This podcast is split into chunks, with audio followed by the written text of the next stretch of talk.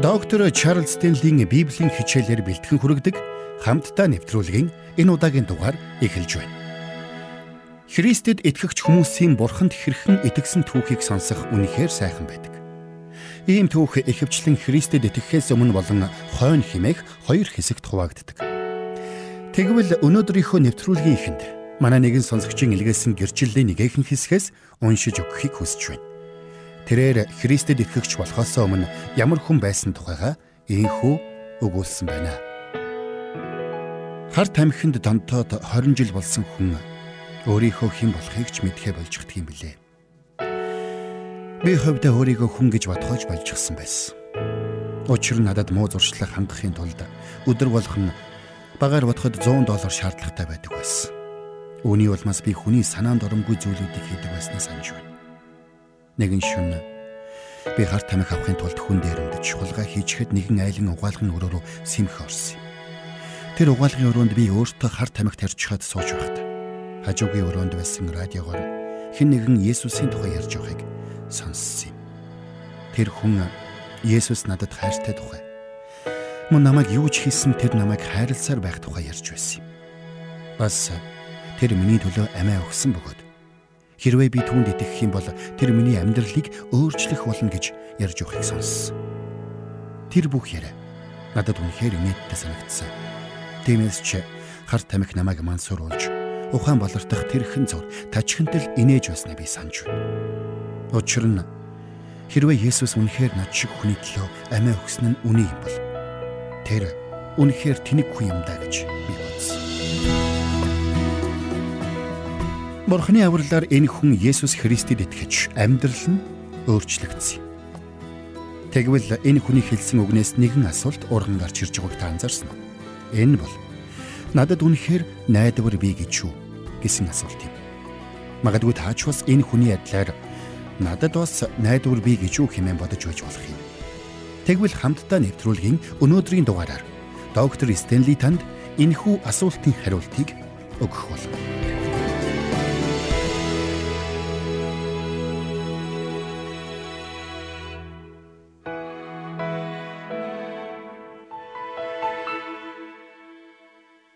Бид 7 хоног бүр гим нүглийнхээ улмаас сөхөрч гүйдсэн хүмүүсээс олон тооны загтлыг хүлээн авдаг. Тэд ихэвчлэн өөрсдийгөө буруутгаж, Бурхан өөрсдийг нь огт хайрладаггүй юм шиг сандаг. Бурхан тэднийг огт тоохгүй байсан юм шиг. Бурхан тэднээс мянган бэрийн алсад байгаа юм шиг санагддаг тухайга бичсэн байдаг. Зарим нь цөхөрч шанснасаа болоод амиа орлох тухайга бодож байгаагаа ч бичсэн байдаг. Тэгвэл юу тэднийг ийхүү бодоход хүргэдэг юм бэ? Өөрсдийгөө ямар ч үн цэнгүй болсон мэтэр мэдрэх мэдрэмж, гарах гарцгүй болсон, найдвар тасарсан, цөхрөл давтсан мэдрэмж нь тэднийг ийм байдалд хүргэдэг юм. Тиймээс тэд өөрсдөөсөө асууж эхэлдэг. Би ингэн ингэн амьдрах ямар хэрэгтэй юм бэ? Хэрвээ би насан туршдаа ингэж амьдрах ёстой юм бол надад амьдрах хүсэл алгаа гэж хэлдэг.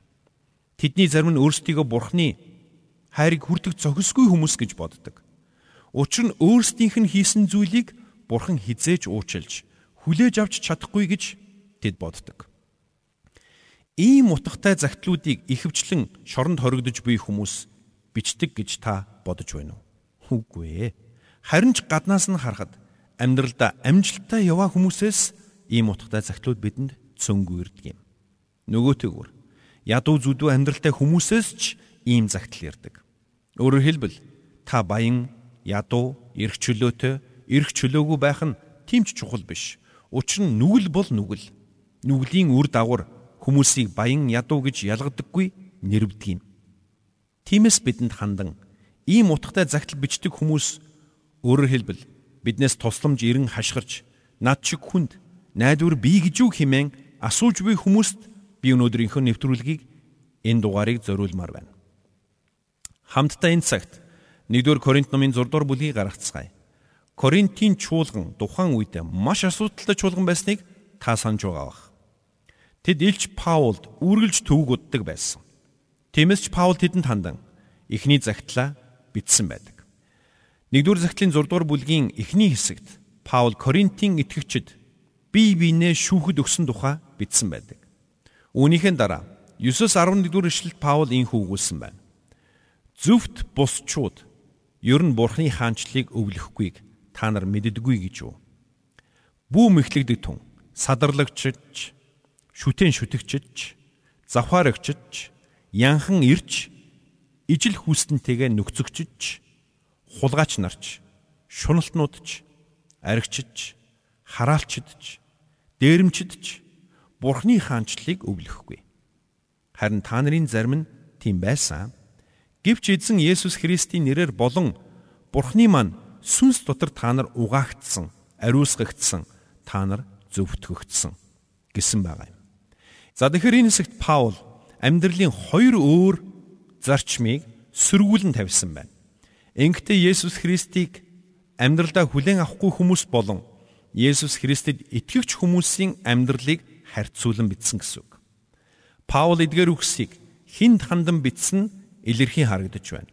Тэрээр Коринт хотод амьдарч байсан Христэд итгэгчдэд хандан эдгээр үгсийг бичсэн юм. Коринт хот бол тухайн үед садар самуун явдлаараа алдартай хот байсан.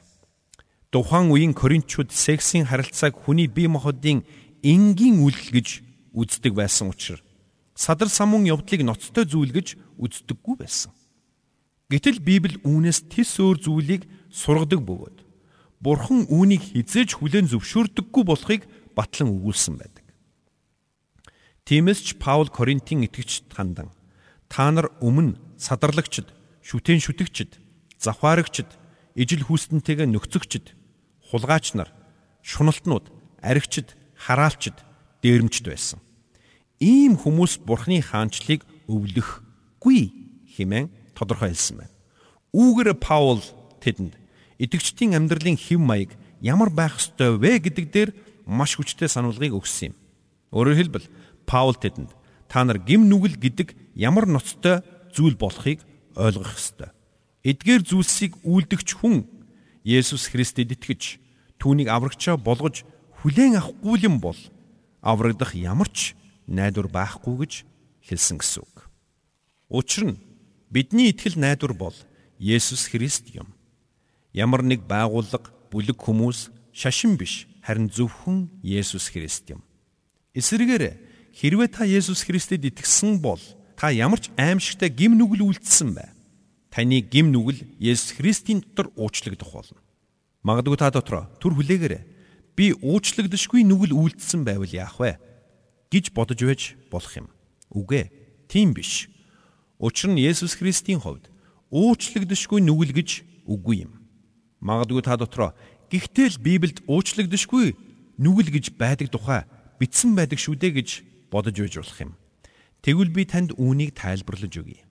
Зарим хүмүүс гим нүгэл үйлдэх үедээ дотор маш хүчтэй буруутгалыг мэдэрдэг.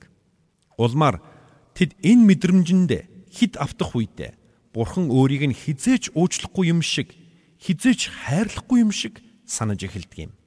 Тэд сэтгэлээр унаж зүхрэх үедээ дотроо би гарцаа байхгүй, уучлагдшгүй нүгэл үйлчгсэн юм байна гэж боддог.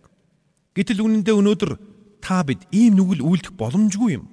Учир нь эзэн Есүс тухайн цаг үедээ фарисеучуудын гаргасан үйлдлийг инхүү нэрлсэн байдаг. Учир нь тэд Бурхны хүүтэй нүүр нүрээрээ уулзаж, түүнийг нүдэрээ харж, түүнийг хэн гэдгийг мэдсээр байж, түүний нүдний өмнө үйлдэгдсэн гайхамшгүүдийг харсаар байж, улаан цайм тэр бурхан биш, тэр худалч, тэр гайхамшиг үйлдэгүү хэмээн гүтгэж байсан. Үүгээр тэд өөрсдийгөө уучлагдшгүй байр сууринд аваатсан. Учир нь тэд аврагдаж болох цорын ганц найдвараа харсаар байж үгүйсгсэн.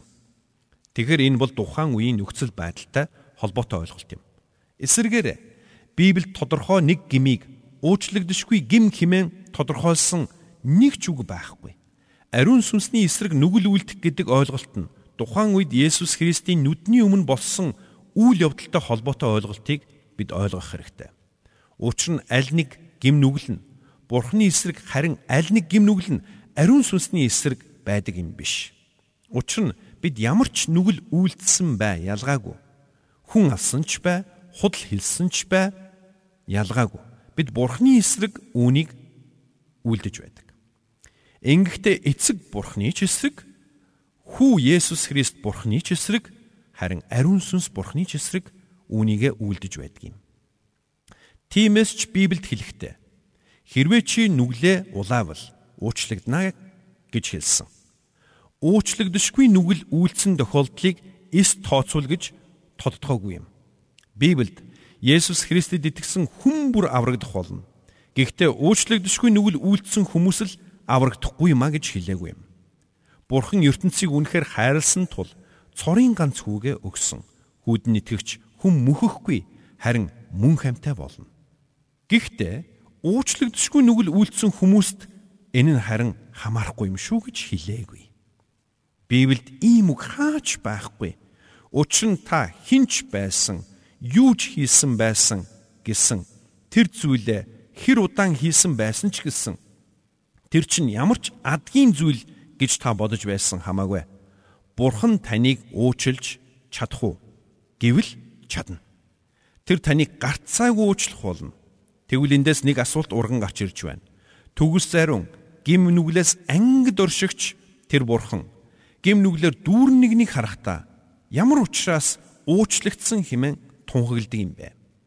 Нүглийн төлөөс нь үхэл гэж айлтсан тэр Бурхны аимшигт адгийн гим нүгэлтэй нэгнийг уучлах ямар шалтгаан байсан юм бэ? Эн чинь ямар ч утгагүй хэрэг биш гэж үү? Би үнийг тань тайлбарлаж өгье. Бурхан өөрийн үгэнд айлдахдаа харагтун бүх ам минийх юм.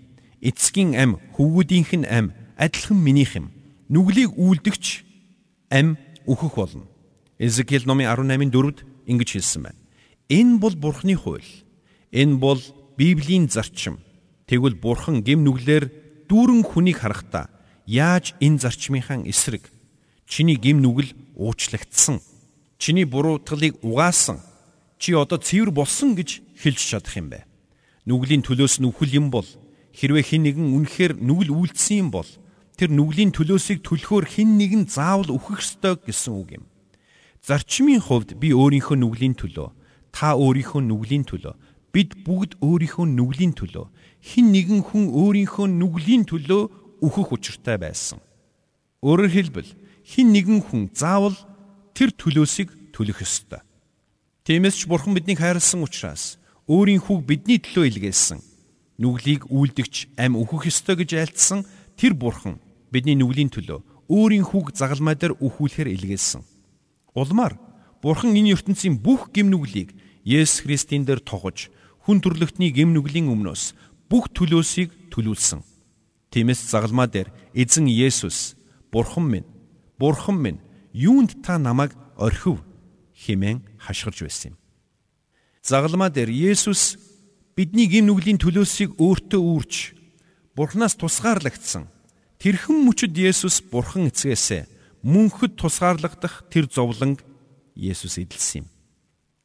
Ийхүү тэр таны өмнөөс бас миний өмнөөс амиа өгсөн юм. Ингэснээр бурхан та бидний гимнүглийн төлөөсийг түүгээр дамжуулан бүрэн төлсөн юм. Тиймээс ч эзэн Есүс хэлэхдээ хүний хүү алдагдсныг хайж аврахаар ирсэн билээ гэж айлтсан. Мөн учир нь хүний хүү үйлчлүүлэхийн тулд бус харин үйлчлэхийн тулд олонний төлөө амиа золиос болгон өргөхийн тулд ирсэн билээ гэсэн. Есүс үүнийгээ ч загалмаа дээр гүйцэлдүүлсэн. Тиймээс ч Иохны 3:16-д хэлэхдээ Бурхан ертөнцийг үнэхээр хайрласандаа цорын ганц хүүгээ өгсөн юм а. Хүүд итгэдэг бүхэн мөхөхгүй харин мөн хамтай болно гэж айлтсан юм. Тиймээс хэрвээ та Бурханы үгэнд итгэхийг хүсэж байгаа бол хэрвээ та Есүс Христэд итгэж түүгээр дамжуулан гим нүглээ уучлахыг хүсэж байгаа бол юуны түрүүнд та нэг зүйлийг ойлгох хэрэгтэй. Тэр нь бүх гим нүгэл Бурхны эсрэг байдаг гэсэн чухал ойлголт юм. Тиймээс ч Давид хаан таны зөвхөн таны эсрэг би нүгэл үлдэж таны мэлмид ёрын мууг хийлээ гэж хэлж байсан. Өөрөөр хэлбэл хэдийгээр тэр бусад хүмүүсийн эсрэг улс үндэстнийхэн эсрэг гим нүгэл үйлдсэн байсан ч эцсийн дүндээ бурхны эсрэг нүгэл үйлдсэн гэдгээ маш сайн мэдэж байсан юм. Тиймээс бид гим нүгэл үйлдэн амьдрч байгаа маань Бурхны эсрэг амьдрч байгаа хэрэг гэдгийг ойлгох нь чухал. Ямар ч гим нүгэл эцсийн дүндээ Бурхны л эсрэг байдаг. Тиймээс бидний үлдсэн гим нүгэл Бурхны эсрэг юм бол тэр нүглийн шийтгэл төлөөсөөс гагцгүй бурхан л биднийг чөлөөлж чадна гэсэн үг юм. За тэгвэл би юу хийх ёстой вэ гэж та асууж байж болох юм. Би танд хэлж өгье. Та өөрийгөө аврахын тулд юу ч хийх шаардлагагүй. Харин Бурхны танд өгч буй хайр, өршөөл, нэгүсэлд хариу үйлдэл хийх шаардлагатай.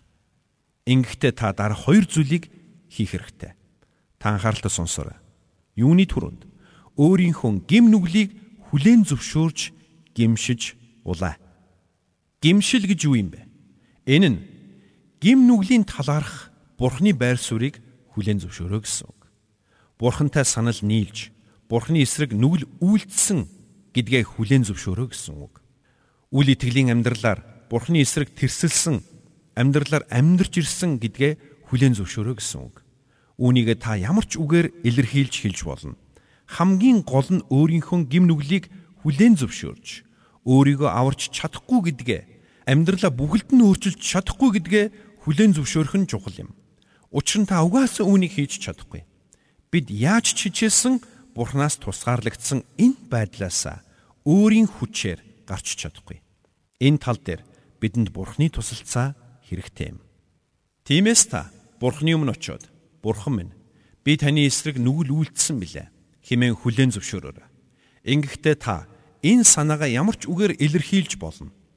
Гим нүглээ гимшин гэдэг нь гим нүглийнхээ талаар бурхантай санал нэгдэж байна гэсэн үг гэдгийг та сайн ойлгоорой. Гэхдээ гимшил гэдэг нь зөвхөн тийм ээ бурхан минь би таны эсрэг нүгэл үлдсэн гэж хэлээд л болоо гэсэн үг биш юм. Үүний цаана давхар бурууга хүлээн зөвшөөрөх, харамсах, харуулсах гэсэн санаа давхар бий. Энэ нь бид өөрсдийн гин бурууга хүлээн зөвшөөрч зөвхрөнгөө барсан нөхцөл байдал дотроос Бурханаас тусламжийг эрен хашгирч байна гэсэн үг юм. Тэр утгаараа гимшил гэдэг нь Бурхан руу эргэн гэсэн үг. Гим нүглийнхээ талаар Бурхантай адил байр суурь, үзэл бодолтой болсноороо бид хуучин амьдралаасаа эргэж Бурхан руу харж байна гэсэн үг юм. Бурханы авралыг хүлээн авахын тулд үүнийг ойлгох нь маш чухал юм. Учир нь би танд Бурхны авралыг хэрхэн хүлээн авах тухай өгүүлэхтэй. Эхлээд амьдралаа цэгцлэх ёстой гэж хэлээгүй гэдгийг та сайн санаарай. Угаасаа та амьдралаа цэвэрлэн цэгцэлж чадахгүй. Библиэд юу гэж бичигдсэн байгааг та мэдхүү. Зөвхөн Бурхан л бидний амьдралыг цэвэрлэн ариусгадаг гэдгийг Библи маш тодорхой өгүүлсэн байдаг юм.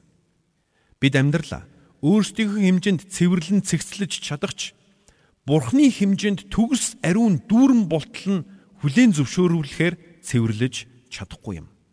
Учир нь бид өөрсдийн мөн чанарыг өөрчилж чадахгүй. Үүнийг гагцуу бурхан л хийж чадна.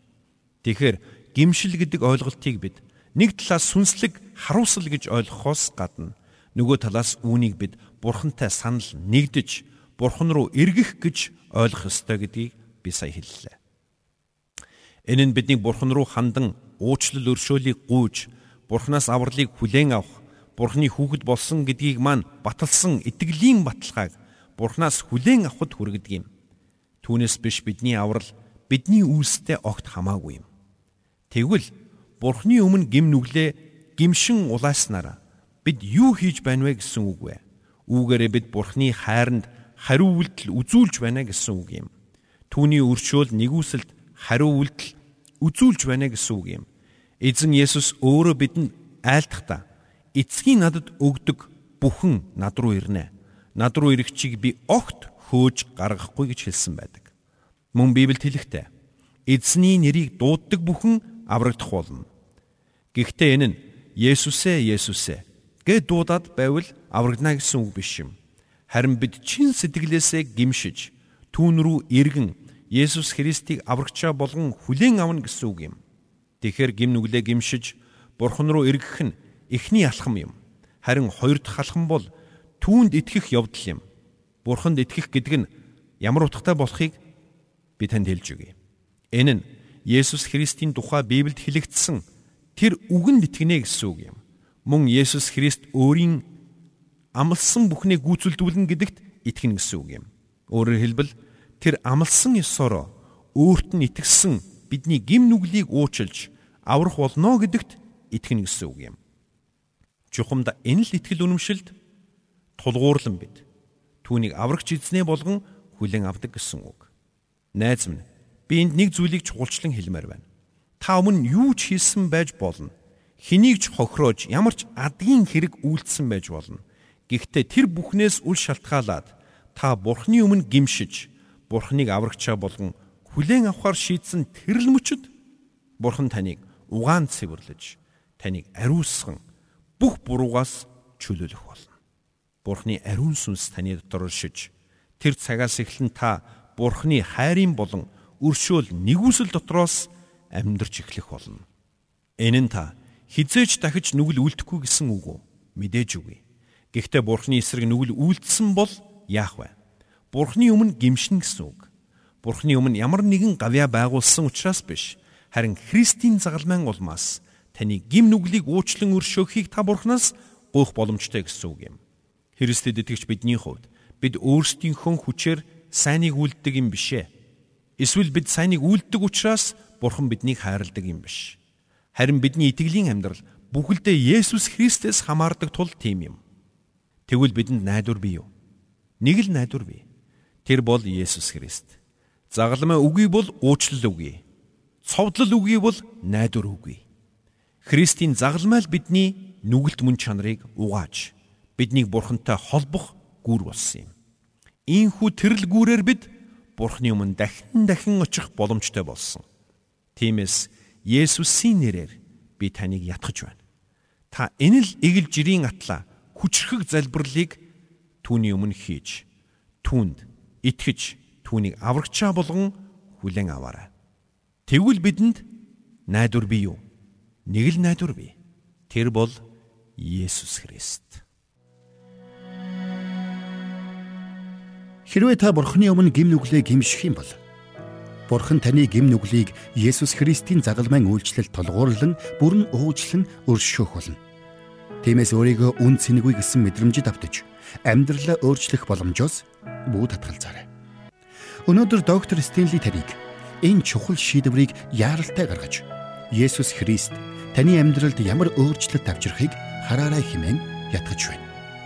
Учир нь өөрт нь итгэсэн хүн бүр аврагдах болно гэдгийг Есүс маш тодорхой хэлсэн байдаг. Иохан 3-ын 17-д хэлэхдээ Учир нь Бурхан ертөнцийг яллахын тулд биш харин түүгээр дамжуулан ертөнцийг аврахаар хүүгээ ертөнцид илгээсэн билээ гэсэн байдаг. Өөрөөр хэлбэл түүнд итгэсэн хүмүүс мөнхийн сүрэлд автахгүй гэсэн үг. Харин түүнд итгэхээс татгалцсан бүхэн аль хэдийн яллагдсан юм. Тэднийг яллах шалтгаан товч бөгөөд тодорхой. Тэд энэ дэлхийд ирсэн гэрлийг үл тоон харанхуйг хайрлсан. Учир нь тэд өөрсдийн ёрийн муу үйлсийг хайрладаг учраас гэрлээс илүү харанхуйг хайрлсан юм. Тиймээс ч тэд Бурханаас ирсэн гэрэл болох Есүс Христийг үдсэн ядаж түүнээс нүүр буруулж гэрэлд гарахын оронд харанхуйд гимнүглээ үйлдэхийг илүүд үзсэн. Харин гэрэл болох Есүс Христ рүү ирэхч бүхнийг тэр хүлээн авч гимнүглийн уучлан тэдний амьдралыг гэрэлтэй болгодог билээ.